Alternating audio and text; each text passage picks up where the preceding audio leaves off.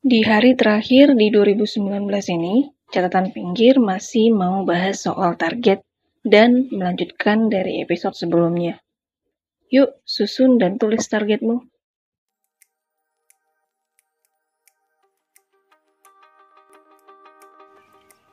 Masih soal target, gimana kita mempersiapkan target untuk 2020 nanti. Kayak yang aku bilang di episode sebelumnya, kalau target itu kita perlu tulisin gitu. Mau nulisnya di buku jurnal, di buku catatan pribadi, sejenis buku catatan pribadi atau apa.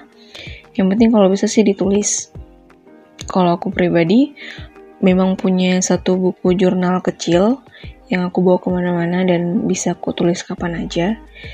Jadi buku itu benar-benar bisa aku taruh target-target aku sebagai pegangan. Maksudnya ya aku bisa kapan aja aku buka target-target itu bisa kapan aja aku tulis.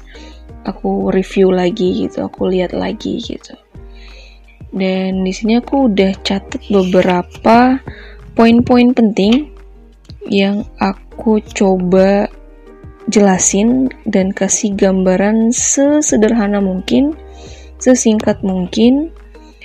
Uh, gimana sih nulis target untuk 2020 nanti? Yang pertama pasti siapin buku catatannya. Pastilah mau nulis di mana coba. Terus berikutnya Pilih salah satu halaman di buku kamu itu, di halaman pertama, di pertengahan buku atau di mana. Di halaman itu kamu bagi dua, artinya kalau kamu tarik garis tengah dari atas ke bawah, vertikal, eh horizontal, kamu bisa bagi di sisi sebelah kiri tulis 2019 di sisi di sisi sebelah kanan kamu tulis 2020 2020 artinya di sisi sebelah kiri itu kita nulis semua hal tentang 2019 dan di sisi kanan kita tulis semua hal yang akan menjadi target kita nanti di 2020 kalau bisa di bagian di 2019 itu kita bagi lagi nih. Bisa bagi lagi atas bawah atau ya gimana rapihnya kamu untuk ngebagi lagi jadi dua bagian.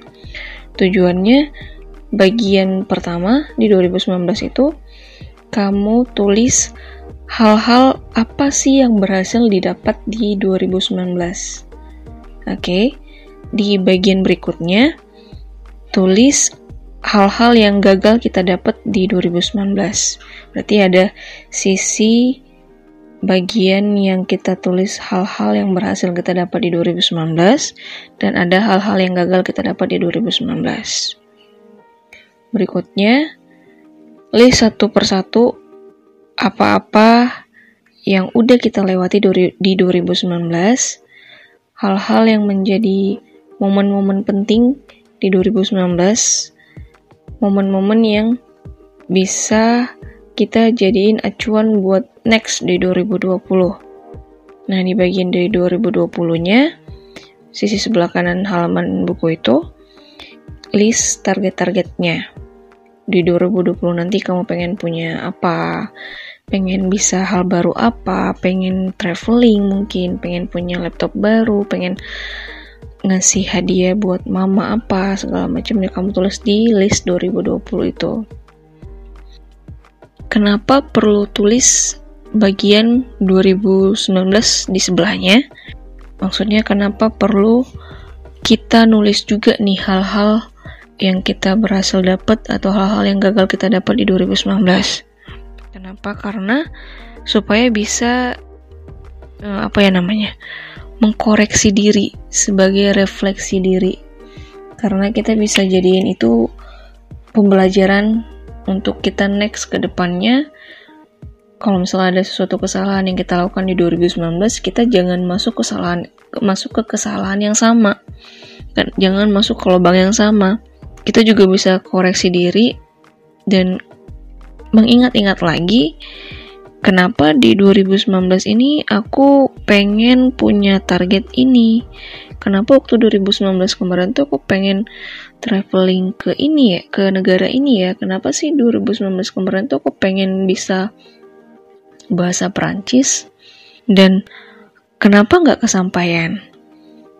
Kenapa nggak berhasil aku dapat dan ini sampai 2019 udah akhir 2019 aku nggak dapet hasilnya dari apa yang aku targetin di 2019 kemarin nah itu maksudnya bisa jadi koreksi kita refleksi diri ya belajar dari pengalaman lah gitu maksudnya supaya nggak ngakuin hal kesalahan yang sama lah untuk di 2020 nanti Next, lanjut ke halaman berikutnya.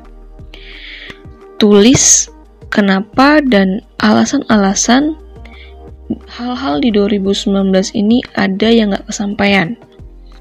Sekali lagi buat sebagai refleksi kita, sebagai koreksi diri, sebagai uh, acuan buat jadiin pengalaman untuk next ke depannya alasan-alasan dari hal-hal di 2019 yang gak kesampaian, yang gak dapet kita wujudin di 2019 itu ditulis di halaman berikutnya itu.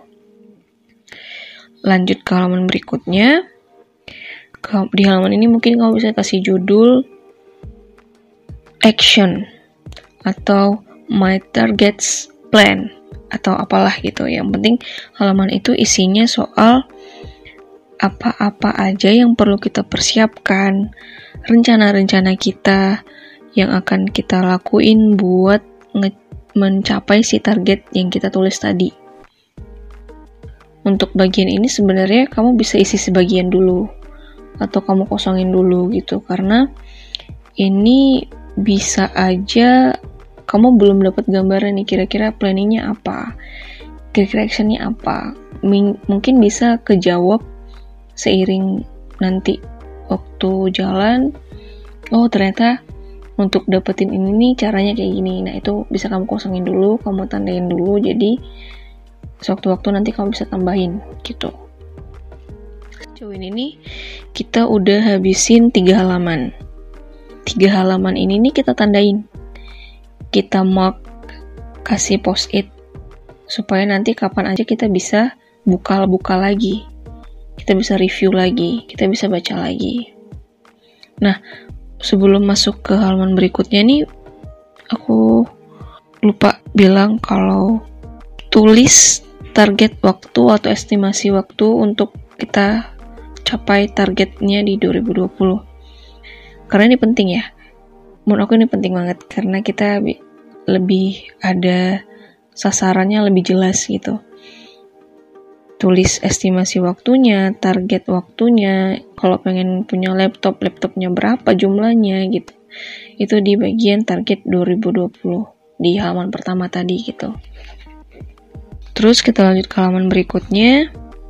Ini halaman kita peruntukkan untuk semua hal yang menjadi problemnya. Hal-hal yang mungkin men akan menghalangi kita achieve target yang kita tulis tadi untuk 2020. Problemnya apa aja nih? Ada nggak resiko-resiko yang mungkin bakal kita dapet yang mungkin akan menjadi halangan kita nanti buat nge-achieve target kita di 2020 nih.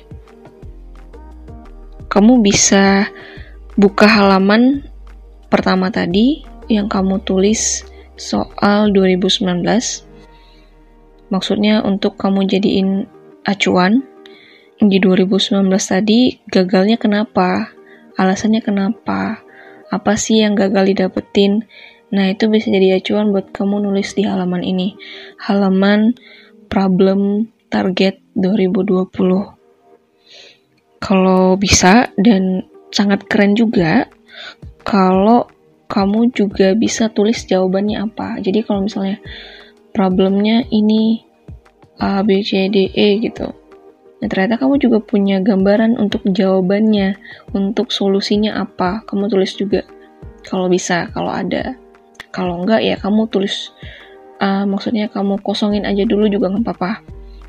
kamu isi sebagian. Ini bisa kita review lagi nanti, gitu. Sejauh ini sih kayaknya udah cukup simple ya. Catatan ini nih kita bikin sangat-sangat simple, sangat-sangat sederhana. Dan aku juga ngejelasinnya berusaha ngasih poin-poin pentingnya aja dulu. Maksudnya ya, kamu bisa ekspresiin lebih lah di catatan kamu itu kamu mau tulis apa, kamu mau taruh apa, kamu mau tandainnya gimana, mau kamu bikin kayak gimana bentukannya, mau kamu kasih apa di catatan kamu itu, itu bisa kamu lah mengekspresikannya sendiri gimana. Tapi uh, aku kasih uh, poin-poin pentingnya secara garis besarnya kira-kira bentukannya tuh begini gitu loh. Karena aku juga nge ngejelasin itu secara lisan pakai suara doang nggak ada gambaran apa-apa. Tapi kayaknya cukup bisa ngasih gambaran gitu. Sebagian orang mungkin bikin catatan ini tuh dengan lebih rinci gitu karena sebagian mungkin ada yang nulis dailynya bagaimana mereka nge-track setiap aktivitas, setiap target nya bagaimana. Jadi catatan itu bisa grow terus, bisa berkembang terus, bisa nambah terus gitu. Itu sekali lagi tergantung gimana kamu nulisnya, gimana kamu pengen ngeplan buat catatan kamu itu gimana. Catatan kamu itu bakal kayak apa nanti itu tergantung kamu.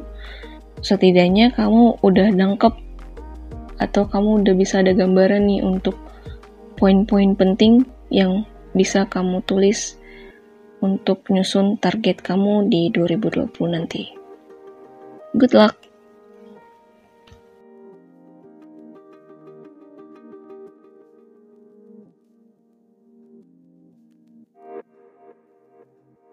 Terima kasih sudah mendengarkan. Ikuti juga Instagramnya di catatanpinggir.podcast untuk update informasi tentang podcast Catatan Pinggir.